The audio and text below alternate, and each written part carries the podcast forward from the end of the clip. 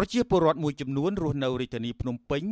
ត្អូញត្អែអំពីទុកលំបាករបស់ពួកគាត់ដែលពុំមានលទ្ធភាពទិញស្បៀងអាហារបំរុងសម្រាប់ស្នាក់នៅផ្ទះគណៈអាជ្ញាធរដាក់ចេញនៅវិធានការរឹតបន្តឹងបិទគប់តំបន់ពួកគាត់លោកម៉ៅឈនប្រាប់អាស៊ីសេរីថា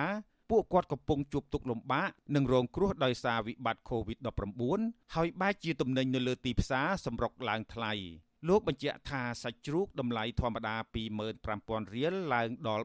35,000រៀលក្នុង1គីឡូក្រាម ចំណែកសាច់គោតម្លៃធម្មតា35,000រៀលឡើងដល់45,000រៀលក្នុង1គីឡូក្រាមរីឯអង្ករតម្លៃធម្មតា120000រៀលឡើងដល់140,000រៀលក្នុង1បេឬ50គីឡូក្រាម និងមុខទំនិញផ្សេងៗទៀតក៏ឡើងថ្លៃដូចគ្នាដែរបរិះរូបនេះ ទទូចឲ្យរដ្ឋាភិបាលគួរអន្តរាគមន៍ទៅលើភាគីពាក់ព័ន្ធដើម្បីជួយសម្រួលបញ្ចុះតម្លៃទំនិញចាំបាច់ទាំងនេះគណៈប្រជាពលរដ្ឋកំពុងរងគ្រោះ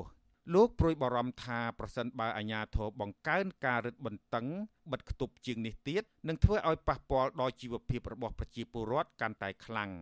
លោកស្នើឲ្យរដ្ឋាភិបាលជួយឧបត្ថម្ភស្បៀងអាហារដល់ប្រជាពលរដ្ឋកំពុងរងគ្រោះដែលកំពុងស្នាក់នៅតាមផ្ទះ។ ក្នុងនាមខ្ញុំជាប្រជាពលរដ្ឋគឺខ្ញុំសំណូមពរទៅរាជរដ្ឋាភិបាលធ្វើមកធ្វើចំណុចជួយសម្រួលឬតម្រេញនៅលើទីផ្សារហ្នឹងកុំឲ្យមានការឡើងថ្លៃហើយ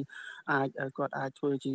ថាសេចក្តីអំពាវនាវមួយទៅដើម្បីឲ្យទៅខាងអាជីវករក៏ដូចជាខាងចាស់ផ្សារមួយចំនួនអ្នកពិសេសវិទ្យុដែលនៅលើទីផ្សារមួយចំនួនដែលគេអាចនាំមកលក់ហ្នឹងគឺសូមធ្វើម៉េចឲ្យគាត់មានការកុំឲ្យឡើងថ្លៃហើយឬអាចបញ្ចុះថ្លៃជាងហ្នឹងទៅហើយព្រោះហើយសូម្បីតែសាំងមកដល់នេះសាំងនៅពេលហ្នឹងក៏អត់មានមានការចុះថ្លៃដែរគឺនៅតែថ្លៃដដែលវាជាបញ្ហាសម្រាប់ប្រជាពលរដ្ឋមែនទែនបាទនៅពេលនេះអត់រកចំណូលអត់បានផងហ្នឹងស្រដៀងគ្នានេះដែរ ប្រជាពលរដ្ឋម្នាក់ទៀតរស់នៅរាជធានីភ្នំពេញលោកស្រីរស់ចន្ទធីរៀបរាប់ថាប្រជាពលរដ្ឋដែលមានជីវភាពធូរធារនាំគ្នាសម្រុកទិញស្បៀងអាហារទុកធ្វើឲ្យទំនិញលើទីផ្សារចាប់ផ្ដើមឡើងថ្លៃលោកស្រីបន្តថាប្រជាពលរដ្ឋភៀកច្រើនសម្រុកទិញសាច់ជ្រូកសាច់គោមីត្រីខនិងម្ហូបអាហារដែលទុកបានយូរព្រោះពួកគាត់ព្រួយបារម្ភថាអាញាធរនឹងចេញវិធានការបិទគប់បន្ថែមទៀត ដើម្បីទប់ស្កាត់ការរីករាលដាលជំងឺ Covid-19 នៅក្នុងសហគមន៍ស្ត្រីរូបនេះបន្តទៀតថាគ្រួសាររបស់លោកស្រីមិនបានទៅទិញស្បៀងអាហារស្តុកទុកទេព្រោះលោកស្រីត្រូវដោះស្រាយបន្ទុកគ្រួសារជាច្រើន ដូចជាបង់សងធនាគារ បង់ផ្ទះជួល បង់ទឹកភ្លើងជាដើម ការផ្ទុះជំងឺ Covid-19 នេះបានរុញច្រានគ្រួសារលោកស្រីឲ្យបាត់បង់ចំណូលមិនអាចផ្គត់ផ្គង់ជីវភាពប្រចាំថ្ងៃបានទេ គាត់ជាប៉ះពាល់ដល់ប្រជាពលរដ្ឋដែលគ្នាអ្នកអត់លុយអញ្ចឹងណាដូចយើងអត់លុយយើងទី1បញ្ហាឡើងថ្លៃទី2អាមិនឡើងថ្លៃហ្នឹងប្រជាពលរដ្ឋអត់អីទិញដោយសារបញ្ហាវាកូវីដអញ្ចឹងគេបិទគ្រប់ច្រកកំឡោះអញ្ចឹងយើងរកអីក៏បានលក់អីក៏អត់ដាច់ហើយបាត់ឡើងថ្លៃទៀតអាហ្នឹងមិនងាប់កូវីដទេទីទៀតងាប់ដាច់បាយពួកការត្អូញត្អែរបស់ប្រជាពលរដ្ឋនេះបន្ទាប់ពីរដ្ឋាភិបាល មិនបានចេញវិធានការជួយទប់ស្កាត់ទំនិញឡើងថ្លៃលើទីផ្សារស្របពេលអាជ្ញាធរប្រកាសបិទគប់តំបន់មួយចំនួននៅក្នុងរាជធានីភ្នំពេញលោកនាយករដ្ឋមន្ត្រីហ៊ុនសែនកាលពីថ្ងៃទី10មេសាបានប្រកាសនៅលើគេហទំព័ររបស់លោកថារដ្ឋាភិបាលនឹងជួយបង់ថ្លៃទឹកភ្លើងផ្ដល់ថវិកាមួយចំនួនផ្ដល់ថវិកាមួយចំនួននិងឧបត្ថម្ភផ្សេងផ្សេងទៀតព្រមទាំងជួយសម្រួលបញ្ហាកម្ចីគ្រឹះស្ថានមីក្រូហិរញ្ញវត្ថុនិងធនាគារ ដល់គ្រួសារស្លាប់ដោយសារ COVID-19 ដល់អ្នកឆ្លងជំងឺ COVID និងអ្នកធ្វើចតាឡេសាឆ្លើយតបទៅនឹងសំណើរបស់ប្រជាពលរដ្ឋនេះប្រធានអង្គភិបអ្នកណាំពាក្យរដ្ឋាភិបាលលោកផៃស៊ីផានអះអាងថាក្រុមការងាររបស់លោកពិនិត្យរកមិនឃើញទំនិញឡើងថ្លៃដោយការលើកឡើងរបស់ប្រជាពលរដ្ឋនោះទេ